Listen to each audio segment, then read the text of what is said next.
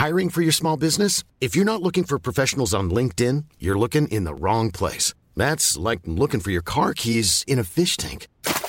LinkedIn helps you hire professionals you can't find anywhere else, even those who aren't actively searching for a new job but might be open to the perfect role. In a given month, over 70% of LinkedIn users don't even visit other leading job sites. So start looking in the right place. With LinkedIn, you can hire professionals like a professional. Post your free job on linkedin.com slash people today. One size fits all seems like a good idea for clothes until you try them on. Same goes for healthcare. That's why United Healthcare offers flexible, budget-friendly coverage for medical, vision, dental, and more. Learn more at uh1.com.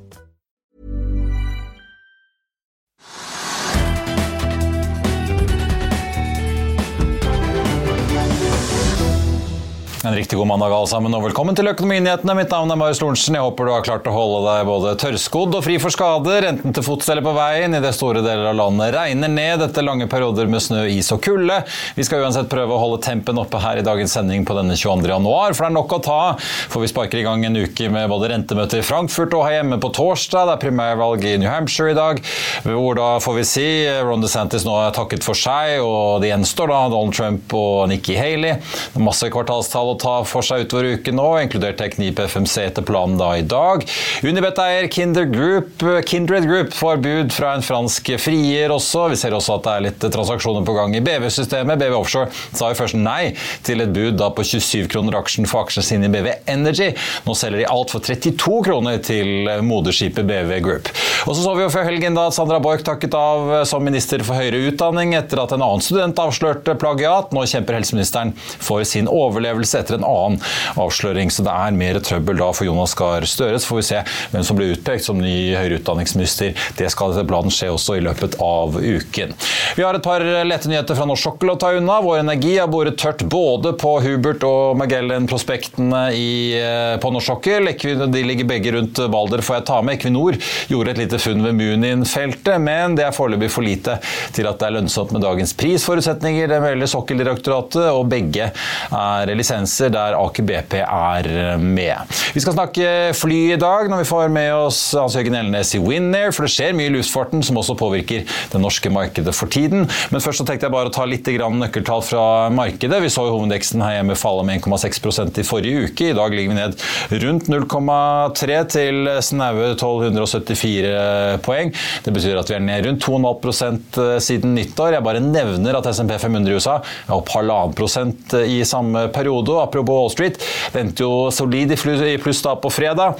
Futuresene peker også opp for dagen i dag. Vi har sett litt blandede tall fra Asia på morgenen, med unntak av Japan, hvor det ser relativt solid ut. Det ser også ganske positivt ut rundt i Europa, med unntak da av Oslo og København-børsene. Og så tenkte jeg også bare å nevne da, Vi har jo sett rentenivået i USA på langrenten, i hvert fall tiåringen svinger mye også. Forrige uke så fløy vi opp fra 3,95 til 4,19 på det meste. I dag er vi noe ned igjen til 4,09. Nordsjøoljen har snudd opp og ligger opp en halv prosent omtrent til 78,70. Vi var jo i rødt territorium litt tidligere i dag, men oljeaksjer sliter fortsatt.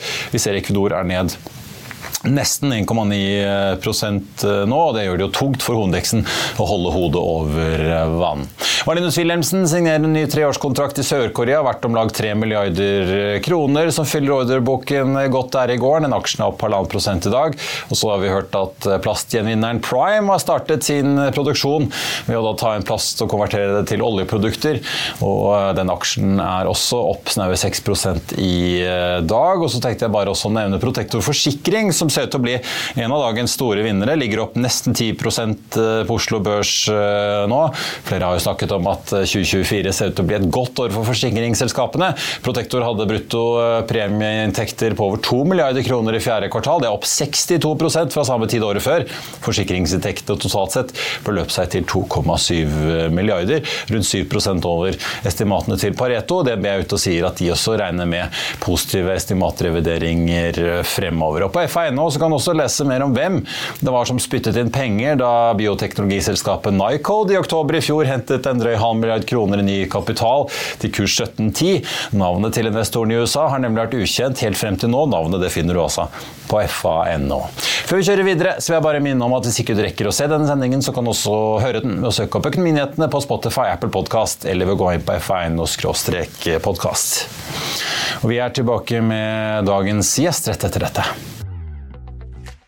Vil du bli oppdatert på det viktigste som har skjedd innen finans og næringsliv? Da er det bare å følge med, for hver morgen er jeg, Marius Lorentzen og aksjekommentator Karl Johan Malnes på plass i studio for å ta tempen på dagens marked i Børsmorgen. Og hver ettermiddag oppsummerer vi alt du trenger å vite i Økonominyhetene, og det blir selvfølgelig masse interessante gjester. Klikk deg inn på fa.no-tv, eller søk opp Børsmorgen og Økonominyhetene der du hører på podkast. Da skal vi snakke fly og reiseliv, for samtidig som Boeing er midt oppe i en ny krise med feil på Max-flyene, så rører det seg ting i markedet nå som SAS skal bytte allianse og tidligere partnere plutselig blir konkurrenter. Og for, å få et bedre innblikk i hva som skjer og hvordan det allerede nå påvirker utbudet her i Norge, har vi fått med oss flyanalytiker og konsulent i Winner Hans Jørgen Elnes. Godt nytt flyår, Hans Jørgen. Takk for at du er med oss. Eh, Marius, og godt nyttår til deg i år. Og jeg tror det blir et spennende år også i, eh, i 2024. Eh, kanskje topper fjoråret. Det er jeg. Ja. jeg tror det. Ja, altså, vi, tro, vi, trodde vi så mye under pandemien, Hans Høgen, men denne bransjen er jo en bransje som gir og gir. Eh, det vet vi jo både seere, lyttere og investorer, eh, i hvert fall de som er flyinteressert, setter pris på, selv om avkastningen tidvis har vært ganske mag i denne bransjen. Så får vi jo kanskje begynne, begynne med det nyeste, holdt jeg på å si. Da. Nå kom det jo melding at FAA også vil ha noen inspeksjoner av dette 737-900-flyet, som er vel ganske likt dette Max 9-flyet. når det gjelder å holde tungen rett i munnen, eh, hvor disse boltene på denne pluggen som settes inn istedenfor en nødutgang har løsnet. Dette er jo ikke en flytype verken Norwegian eh, bruker eller SAS har brukt, så vidt jeg husker i hvert fall. Det er vel et 900 det er vel heller ikke et flytype som er veldig mye brukt i Europa? Nei da, de bygges ikke lenger heller. Og, og årsaken til at disse, disse, maskinene sjekkes nå, er at de, den utgaven hvor de har fjernet en del av kapasiteten, altså tatt ut en del seter, så trenger de ikke like mange nødutganger som når de har fullt, uh, fullt flyet med maks seter. Og Dermed blir det satt inn en sånn plugg en sånn nødutgangplugg som uh, forsvant ut av det her Max 9-flyet. og Da sjekker de også disse på maskinene da, som har denne, om det er noe trøbbel med, med, med festanordningen. Så det sikkert skjer igjen. Eh, nå får vi jo se hva disse analysene av Max 9-flyet, som jo er i produksjon, men heller ikke noe Norwegian har i flåten, sier. da, men altså, Hva skal disse holdt jeg på å si, stakkars flyselskapene gjøre? da? Nå har vi jo motorproblemene hos A320. som SAS de er vel glad for de har sluppet unna, for de har valgt en annen motortype enn denne Pratt Whitney.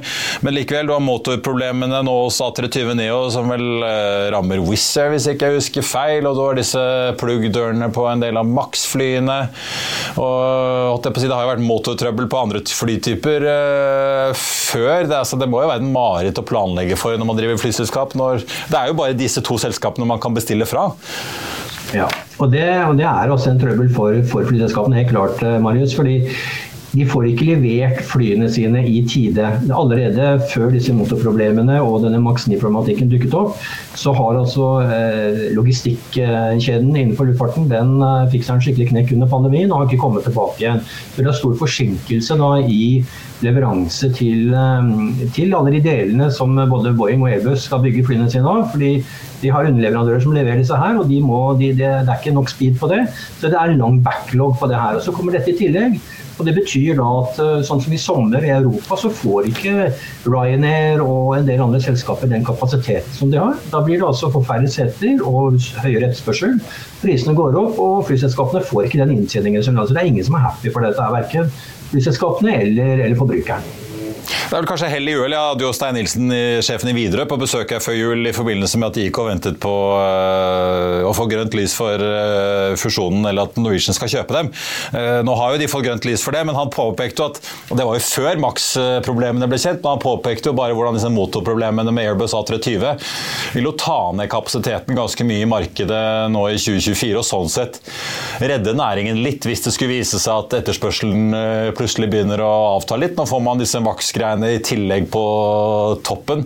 Er det, er det liksom en gudegave hvis det skulle vise seg at uh, inflasjonen og rentene biter såpass mye at uh, folk begynner å stramme inn på reisingen?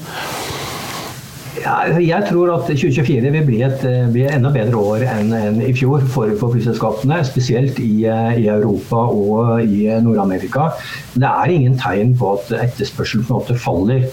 Det, vi kan jo si det sånn at Innenlands i Norge, hvis vi ser på liksom de første tre ukene nå i januar, så ser vi at utenlands holder seg liksom, ligger 5-6% over fjoråret. Mens innenlands ligger den 3-4% under.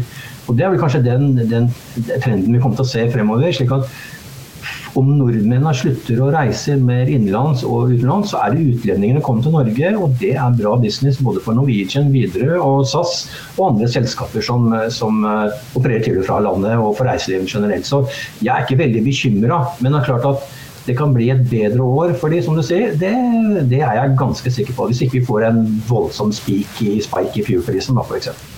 Vi får krysse fingrene for en næring som har fått kjørt seg mye de siste årene.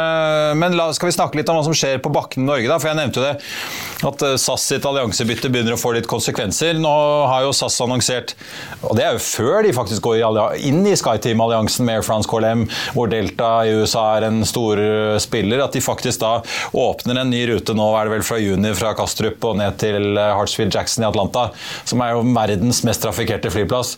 Og du kan jo fly omtrent hvor du vil på det amerikanske kontinentet med flyselskapet til Ed Berstien. Nå betyr vel det kanskje denne overgangen at vi neppe får se noen sånne direkterute fra SAS til Miami og sånn som vi i sin tid hadde i Oslo. Det blir vel kanskje New York og, og da Atlanta til nød, eller hvis man må via København. men vi begynner å se litt nå at Lufthansa-gruppen også begynner å agere litt, for de mister jo SAS som sin eh, alliansepartner. Ja, hvis vi, hvis vi, holder oss litt på, eh, på eh, Delta og Atlanta-sporet først, så, så, ikke noen kjempeoverraskelse at eh, SAS plutselig dukka opp med en rute fra, fra København til, til, Atlanta. Og Det er jo en megahub. Det er jo en vanvittig distribusjon fra Atlanta med Delta videre ut i USA, ut i USA og andre steder i både nord og Mellom-Amerika. Og, det, er nok mulig at Atlanta kommer til å overta en god del av den sånn transfer-trafikken til SAS i USA eh, istedenfor som det har vært på i, i, New York. For Der har det jo vært United og Star-partnerne som eh, har vært der. Og, og New York SAS flyr to flyplasser i, i, New York, New York og, og, og, JFK. Så spørsmålet er skal de fortsette på New York. Eh, eller dropper en, eller prøver å komme sammen med flighter inn på JFK. Og kanskje Delta er, eh, er nice guys og, og komme med noen slotts. For det er det som er utfordringen på SAS, å få de riktige slottsene på, på JFK. Og det ser vi også på Bjørn Tore Larsen og Norse, som uh, eh, skifta litt uh, ruter fra London Gatwick uh, til, til, USA, og nå er tilbake igjen, men med på, på kapasitet på JFK. Men de har noen veldig spesielle rutetider midt på natta. Så, så, det er viktig der. Når det gjelder Lufthansa og, og, hva de gjør, spesielt i Norge, som er kanskje et veldig viktig marked for dem, så ser vi at de nå åpner flere ruter til, til, altså til direkte til Bergen, direkte til Stavanger, direkte til Trondheim. Eh, og Discovery skal fly opp i Nord-Norge og litt annet opp i nord også. og Det er klart for å, for å posisjonere seg før SAS migrerer vekk fra Star Alliance og inn i SkyTeam. og Da vet man ikke helt hvordan distribusjonen og connectivityen fra Norge og ned til eh, Frankfurt og, og München på Lufthansa blir, så de sikrer seg nå med det, tror jeg. Ja, for Det virker som en litt sånn todelt uh, angrepsstrategi fra Lufthansas uh, side. Da. For De mister jo SAS som en sånn feeder ned til Frankfurt, hvor man da fløy SAS ned til Frankfurt osv.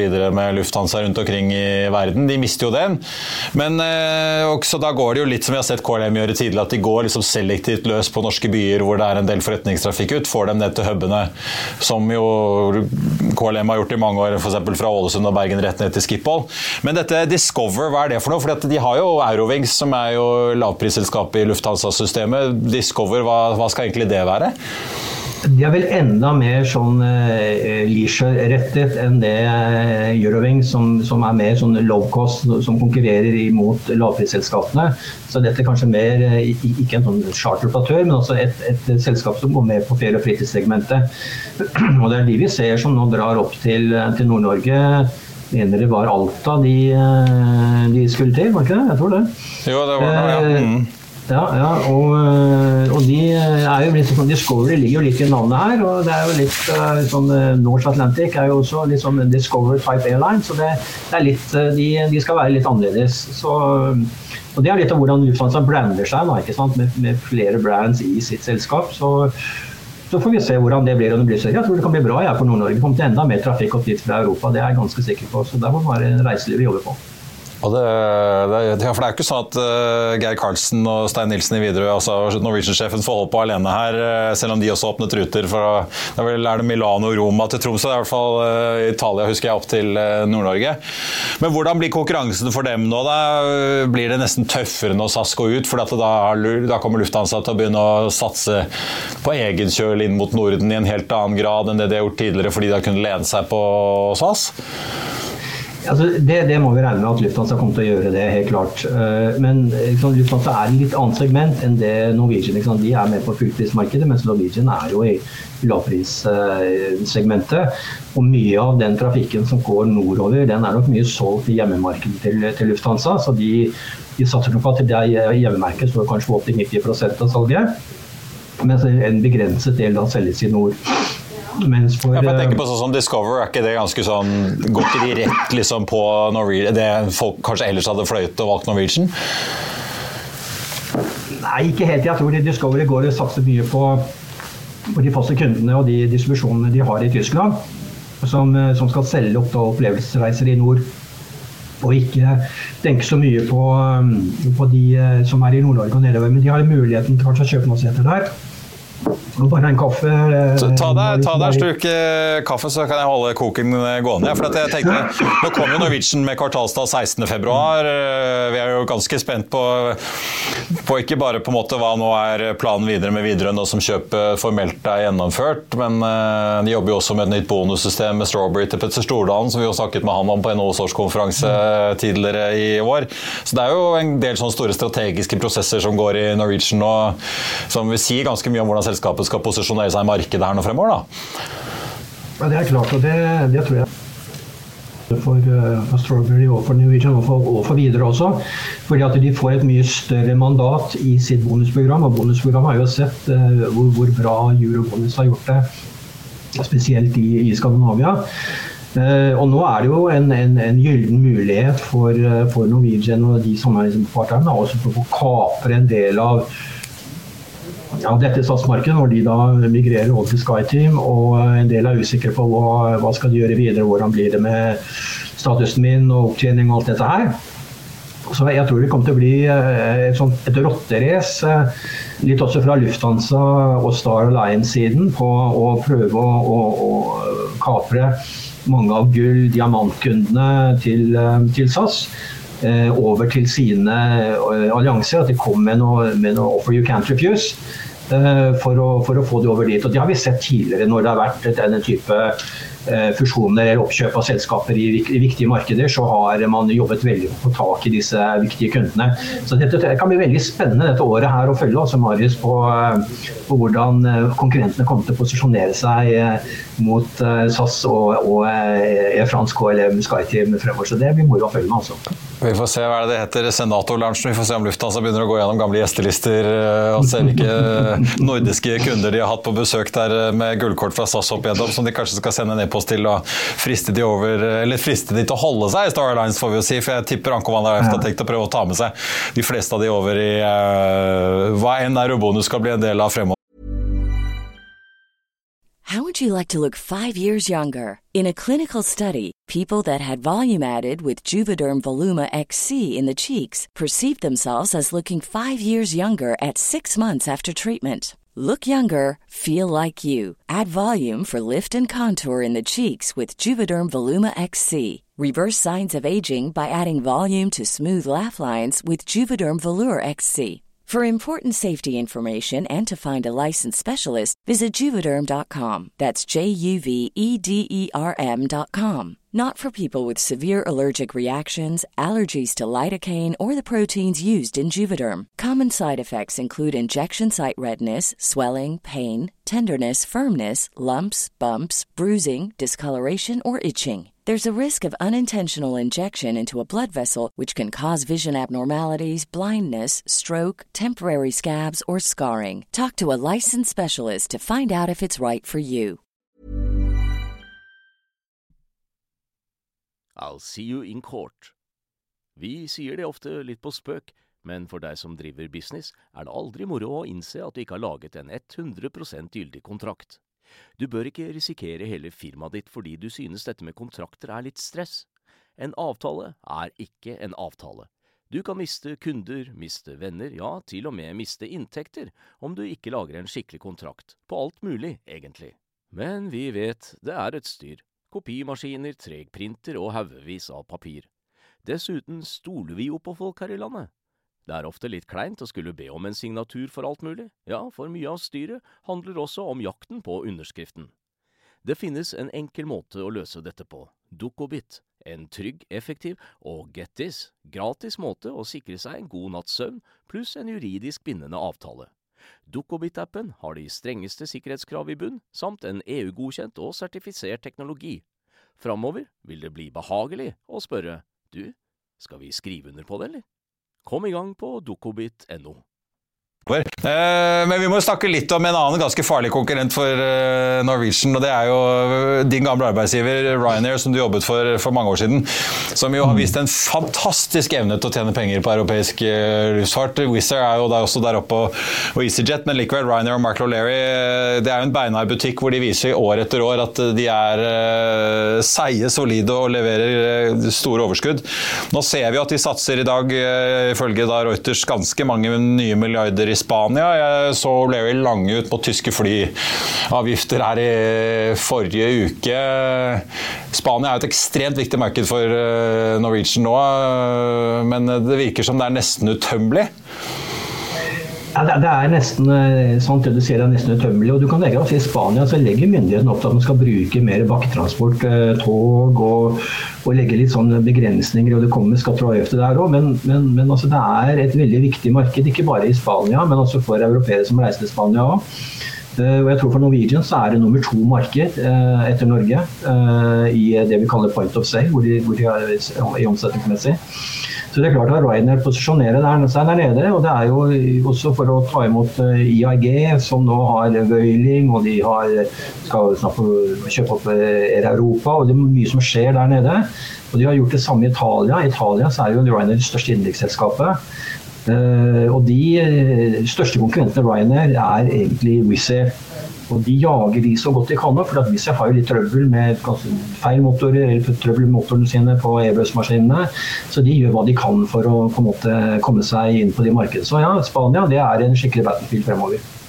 Ja. Ja, så Du nevnte eh, også uh, Italia, men uh, det ser ut til at Tyskland foreløpig er litt mer rolig. Men til slutt, jeg tenkte bare, vi må snakke litt om også strukturer. Vi trenger ikke å grave oss ned i utbyttediskusjonen til Norwegian, men hvis vi ser på strukturer i næringen, da, nå får jo Norwegian kjøpe videre. Jeg så JetBlue forsøker i hvert fall amerikanske myndigheter å stanse deres oppkjøp av Spirit. Men vi vet jo også at i hvert fall ifølge Norse så er det jo minst da to flyselskaper som skal banke banket på døren der i går. Men det har vært veldig stille fra Bjørn Tore Larsen og co. Uh, i det siste, annet enn at uh, det er dialog på gang, og de skal informere markedet når det skjer noe. Tror du en eller annen eh, stor flyaktør kan komme og ville kjøpe opp Norse Atlantic, eller hva tror du kommer ut av alt dette her?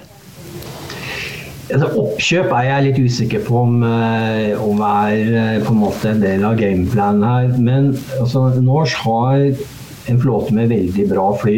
Eh, disse Boeing 787 eh, Dreamliner 8 og 9-modellen som, eh, som, de har, de har jo gått nesten som ei klokke etter at de har. De har jo hatt det vi kaller en sånn completion rate, altså, altså gjennomført flyprogrammet sitt 100% måned for måned for måned. og Det er veldig sjelden at flyselskap gjør. Eh, så jeg, jeg, tror at det kan bli en form for noe partnerskap. Uh, og man skal være forsiktig med å, som, å, gjette på hvem det kan være. Men andre aktører, det er en aktør i Italia som heter Neos, som også har uh, eh, 787 i sin flåte. og, og den nye Scorpio, som er den største, nye, største aksjonæren i, i Norse nå, rundt 20-22 tror jeg, et eller annet sted der. Og Bjørn Tor Larsen har vel i underkant av, av 20. Uh, og Det har vel ikke vært en indikasjon på at Bjørn Tor Larsen er lei av luftfart. Det virker som altså, han er veldig fremoverlent. Han stiller stadig opp med penger i emisjoner, ser jeg. Ja, ja. ja det, det, er så, det, så jeg tror, jeg tror, han liker det der. og det, det er jeg tror, ikke, jeg tror, ikke, et stort oppkjøp, Marius. Jeg tror en eller annen form for partnerskap der. og så skal vi huske på det at øh, Norse har jo en avtale med leasingselskapet for disse her driverne sine. Og hvordan en, hvis et oppkjøp skulle skje, hvordan disse leasingavtalene eventuelt ville kunne bli overført til et nytt selskap, det er jeg jaggu litt usikker på. Og, og, i dag så er det nok eh, etterspørsel etter sånne fly ganske store. Så det, jeg, jeg tror det, et partnerskap er det jeg holder, holder mest på. Bare til slutt, altså, Nå får vi jo se, da, men nå har de jo begynt å fly ikke bare til eh, Nord-Europa fra alle disse basene i Europa. Det er jo Berlin, og de flyr jo fra Aten til og Paris og London selvfølgelig, og, og, også Oslo til USA. Men de har jo begynt å snu en del av rutene over og fly til Asia. Det var jo noen av disse rutene Norwegian fikk til også før alt klappet sammen under pandemien. men Kommer Norse Atlantic til å holde seg på denne siden av Atlanteren, eller er det en mulighet at uh, Larsen flagger over og går i allianse med en eller annen amerikansk uh, konstellasjon? Da kommer det litt sånn eierskapsbegrensninger og sånn inn i bildet her, men han kan vel ta et valg på et eller annet tidspunkt og gjøre det ene eller det andre, men tror du det er realistisk å, eller at det er et realistisk scenario at uh, de heller går i kompaniskap med en amerikaner og da holder seg under eierskapsbegrensningene for da ikke-amerikanere? Hvis vi tenker på liksom, igjen hvor salget til Norse foregår, så, så, er vi på en eh, jeg tror 60-70% av salget skjer i USA. Av billettsalget. Så det er klart at der, de er veldig tunge der. Uh, men altså, jeg, jeg, ser ikke helt at det har vært så veldig stor interesse for lavpris langdistanse i, i USA. Eh, det har jo vært mer i Asia at det har med, med AirAsia X eller eh, så, som har på en måte vært der. Uh, ja, USA jeg tror jeg, er litt usikker på det. Jeg tror heller at det er en sjanse for noen europeisk som kan finne en eller annen konstellasjon der. Det kan jo være cruiserederier. Det er mange aktører på en måte som trenger store fly. Og, og, og Norse har jo vist at de har liksom vært dynamiske i produksjonen sin. At de velger å flytte ruter litt, litt, litt sånn opp og ned. Eh, men, eh, men, at det er muligheter til Asia, ja. F.eks. Eh, London-Manila har en rute jeg hadde tenkt på, i hvert fall, hvis jeg hadde hatt muligheten til å fly. Det tror jeg har vært bedre enn en Gatwick i Singapore, som Bjørn Kjos var veldig glad i. Det gikk jo ikke så godt da. Nei, og som ikke gikk veldig, Det var en rute som ikke overlevde veldig lenge. Nei, jeg skulle til å si Norse Atlantic har jo ikke vært vond å be for å tilby charterkapasitet til de som vil leie store langdistansefly. Så, og du vet at sånn som For nå så er det, liksom, det er perioden uh, mai eh, til september hvor de har muligheten til på en måte å levere positivt på bunnlinja. Og så har du en lang periode hvor de har det tøffe tak. Og etter hvert så Nå vil vi få 12 fly i flåten tror jeg, i løpet av året, og så er det kanskje å bli 15 fly neste år. Og så forsvinner disse her på body over-avtalen, som betyr at de ikke betaler om eh, leie, eh, flyleie hvis de har flyene på bakken over tid. Så da må de ha et, et, et, program som gir en produksjon som gjør at de tjener penger. Og Da er det vinteren som er vanskelig, og da må de kanskje finne på noe smart som vi ikke har sett før. Så det er jeg veldig spent på. Om det dukker opp noe, noe vi ikke har sett før fra, fra Bjørn Tore Larsen. Han har jo ikke han har ikke noen erfaring fra luftfart, han har for mye annet. En smart fyr. og Kanskje han, dukker, han finner på en, en, løsning som eh, blir bra for de også i disse tunge månedene. Sånn er det ofte. De nye gode ideene kommer ofte fra der man ikke forventer det. Hans, Erik, Hans Jørgen Elles, tusen takk for at du var eh, med oss. 16.2 er da datoen for Norwegians kvartalsrapport. 8.3 er datoen for eh, den viktige høringen til SIS i New York, der hvor da chapter 11-prosessen kan bli konkludert hvis alt går som det skal. Den har jo dratt ut i tid. På tappen av sendingen så tenkte jeg bare å nevne at hovedindeksen nå ligger ned 0,4 eh, til 12,73. Nordsjøoljen ligger på 78,64, fortsatt da litt opp 0,4 Pareto Securities tenkte jeg også å nevne, tar opp dekning av meldingsselskapet Link Mobility med en kjøpsanbefaling og et kursmål på 25 kroner aksjen, ifølge TDN. Den aksjen ligger på 18,14 nå, så litt oppside ifølge Paretos estimater. Den aksjen er også opp 2,5% i eh, dag. I slutten av november så la jo Ferd og Tjaldur gjennom sitt selskap Minerva inn et bud på 3,50 for selskapet Mintra, som driver med HR-løsninger og kursløsninger på nett. Nå har har Minerva imidlertid gjennomført et blokkjøp med en kurs på fire kroner aksjen, som gjør at de sikrer seg en eierandel på over 90% og de vil nå ta selskapet av børs. Aksjen spratt rett opp til fire kroner da nyhetene ble kjent. Og så tenkte jeg også bare å nevne det siste fra Saga Søraune, hvis vi kan kalle det det. Mannen altså, som la seg ut med Jon Fredriksen, Vegard Søraune, forvalteren i Aternum. Han og dette av Capital Cara Holdco gikk jo til Carasent og ba om et ekstraordinært utbytte i fjor på 300 millioner kroner. Det ble i dag da nedstemt under en ekstraordinær generalforsamling. 31,35% av aksjene stemte for. Nesten da 69% stemte nei, og aksjen er ned litt over 6% i dag. Nordeas eh, Erik Håvi, shippinganalytikeren, er ute med en ny analyse av Golden Ocean. Han jekker opp kursmålet på tørrlastrederiet med 10 kroner til 130, gjentar kjøpsanbefalingen. Og Håvi peker da særlig på Golden Oceans sterke posisjon i markedet, drevet av store, moderne skip da, som er relativt effektive innenfor tørrlast. Den aksjen eh, omtrent eh, ned en kvart prosent i dag. Ellers så tenkte jeg bare å nevne at hovedindeksen da dras ned av de tre store oljeselskapene i dag. Kindred Group, disse som eier Unibet, opp nesten, eh, nesten 20 i dag, godt over 15 i hvert fall. Betson får også drahjelp av eh, dette budet på konkurrenten, opp 4% Og så har vi da Protector, som også ser ut til å bli en av dagens vinnere med en oppgang på nesten 10% I Finansavisen i morgen så kan du lese Trygve Hegnars leder om juksemakeren i regjeringen. Det blir mer om transaksjonen i BV-systemet, og ikke minst siste nytt i eh, sagaen rundt Aker og Solstad Offshore, der beskyldningene fortsetter å hagle frem og tilbake. Og så snakker da Vegard Sørhaune ut av hva han mener om Carasent-situasjonen etter et utbyttet de ba om. Det var vår sending på denne mandag 22.1. Tusen takk for at du så eller hørte på. Mitt navn er Marius Lorentzen, og kollega Benedicte Storm Bamvik er på plass med Børsmorgen her i morgen 08.55, da med Eikas investeringsdirektør Gaute Eie på plass. Og så er jeg tilbake her med Økonominyhetene 14.30. Da får vi med oss Vipps-sjef Rune Garborg, som nå kanskje har fått det gjennombruddet som Vipps har ventet på hos EU i årevis. Før den tid så får du som alltid siste nytt på FA.no. Mitt navn er da Marius Lorentzen. Tusen takk for nå. Vi ses.